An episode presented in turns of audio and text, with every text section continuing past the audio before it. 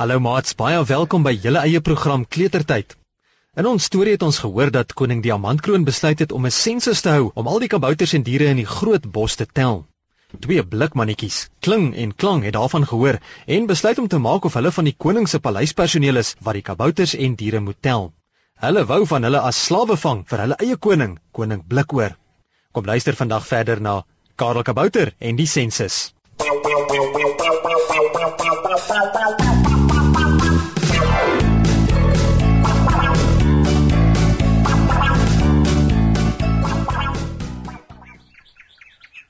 Dit is die dag van die sensus en Karel Kabouter is vroeg op en aangetrek. Hy wil gereed wees wanneer koning Diamantkroon se paleispersoneel aan sy paddastoelhuisie se deur kom klop om sy naam op hulle vorms in te vul. Karel gooi 'n bietjie koeldrank in 'n beker, sit 'n paar glase op 'n skinkbord en dra dit uit na die tafel op sy stoep. "So ja," dink hy by homself. "As die paleispersoneel hier aankom, kan hulle hier by my op die stoep kom sit en 'n koeldrank drink. Hulle sal seker dors wees van die stappery na almal se huise." Karel Kabouter se beste dieremaatjie, Ollie die olifant, woon in 'n houthuisie in die groot bos naby 'n riviertjie. Ollie het vroeg die oggend al opgestaan en in die rivier gaan swem soos hy altyd maak as hy warm kry. Hy hoes en proes en raas soos hy swem dat jy hom wie weet waar kan hoor. Die water is baie lekker koel vanoggend. sê Ollie en duik nog 'n slag onder die water in. Toe hy weer bo die water uitkom, blaas Ollie 'n stroom water by sy slurp uit en swem kant toe. Hy klim uit op die wal van die rivier, skud sy lyf dat die water oral oorspat en stap aan na sy ou huis toe. Nou voel ek reg vir die sensus van vandag. Koning Diamantkroon se paleispersoneel kan maar kom opskryf dat ek olifant nommer 1 in die groot bos is. Dieper in die groot bos stap twee figure wie se klere blink in die sonlig. So ver as wat hulle loop, is daar 'n snaakse blikkerige geraas. Oral waar die klein diertjies soos die hasies en paddas en eekorintjies die geraas hoor, hardloop hulle bang weg. So iets ken hulle nie. Dit is die twee blikmannetjies, Kling en Klang, wat versigtig en koes koes deur die bos stap sodat niemand hulle kan sien nie. Kling, Sê die een. kyk of jy nie 'n bos met rooi bessies iewers sien nie. Kling, die blikmannetjie frons. Bessies Klang, is jy dan honger? Ek dink ons gaan maak of ons van koning Diamantkroon se paleismense is wat die sensus opneem en dan 'n paar kabouters en diere vir koning Blinkoor vang. Wil jy eers eet? Klang gaan staan stil en kyk hoe hy na Kling, Natuurlik gaan ons maak of ons van die paleismense is kling. sê hy en wys met sy blikvinger na sy bors. Maar wat sien jy hier? Kling buig sy kop nader aan Klang se bors, trek sy oë op skreefies, skud toe sy kop en sê: uh, "Ek sien niks, Klang, net jou blink bors en die sonstrale wat daarop weer kaats."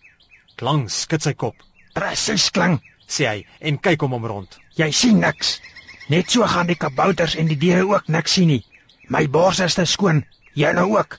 Daarom moet ons rooi bessies in die hande kry om 'n kroon hier op my en jou bors te teken.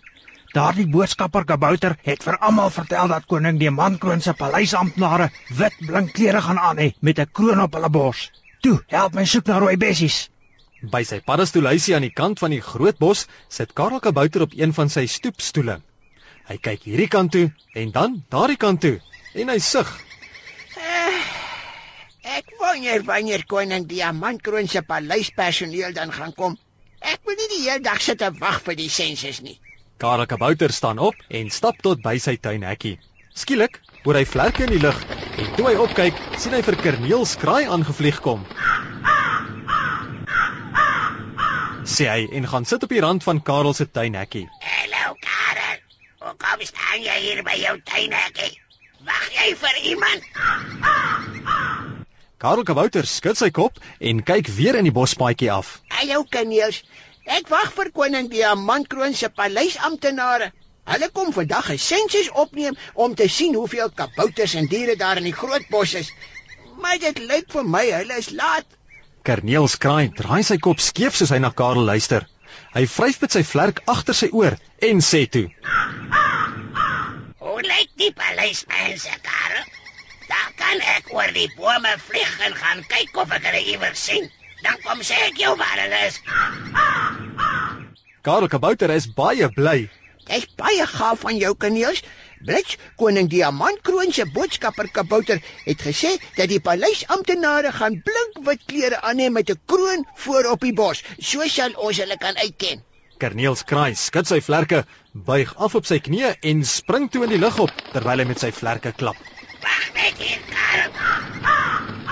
Ek is nou nou terug. Roep hy uit en vlieg al hoër die lug in.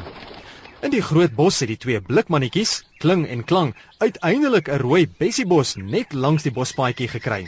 Ah, dis net wat ons soek. Roep Klang uit, buig vooroor en begin handevol van die bessies pluk.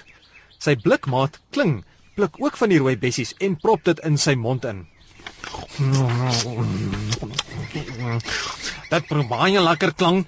Ons moet vir ons ook rooi bessiebosse aanplant in blikkiesland. Kling smil aan die bessies dat die sap by sy blikmond uitloop. Klang gaan staan regop en kyk verbaas na Kling wat met al twee hande die bessies in sy mond prop. Die volgende oomblik gee hy vir Klang 'n klap op sy rug dat die gekoude bessies uit sy mond op die grond spat. Wat dink jy doen jy kling? Vra Klang kwaad. Hierdie rooi bessies is nie vir ons om te eet nie. Dis om krone op ons borste te teken. Kyk hoe lyk jou mond nou. Koning Diamantkroon se paleisamptenare het nie rooi bessie monde nie. Loop vir jou mond net die blare af, dan kom jy help jy my om die krone te teken.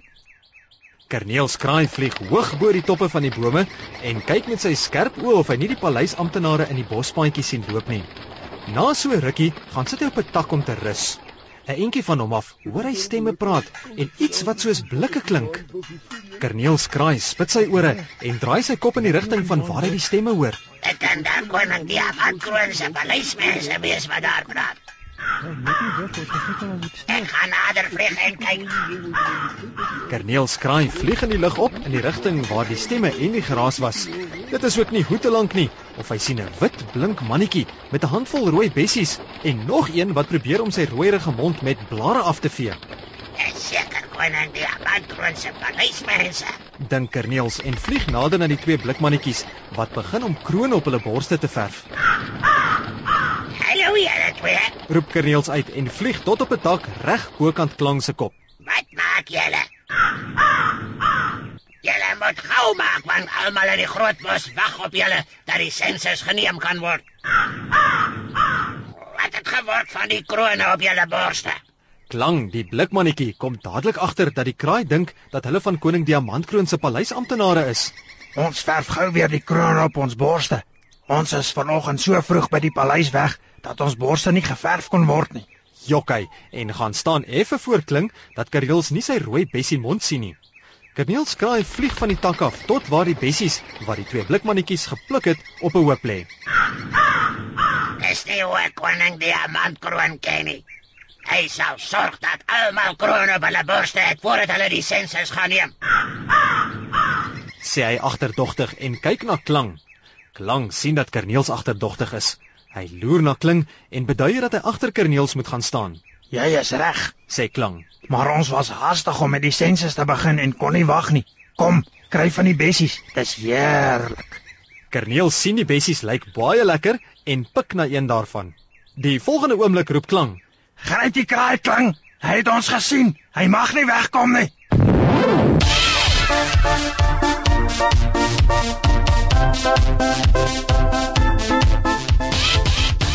"Wat gaan van Karneels kraai word? Sal die blikmannetjies vir Karel Kabouter en Ollie die olifant kan flous en hulle ook vang?" Kom luister volgende keer verder na Karel Kabouter en die sensus.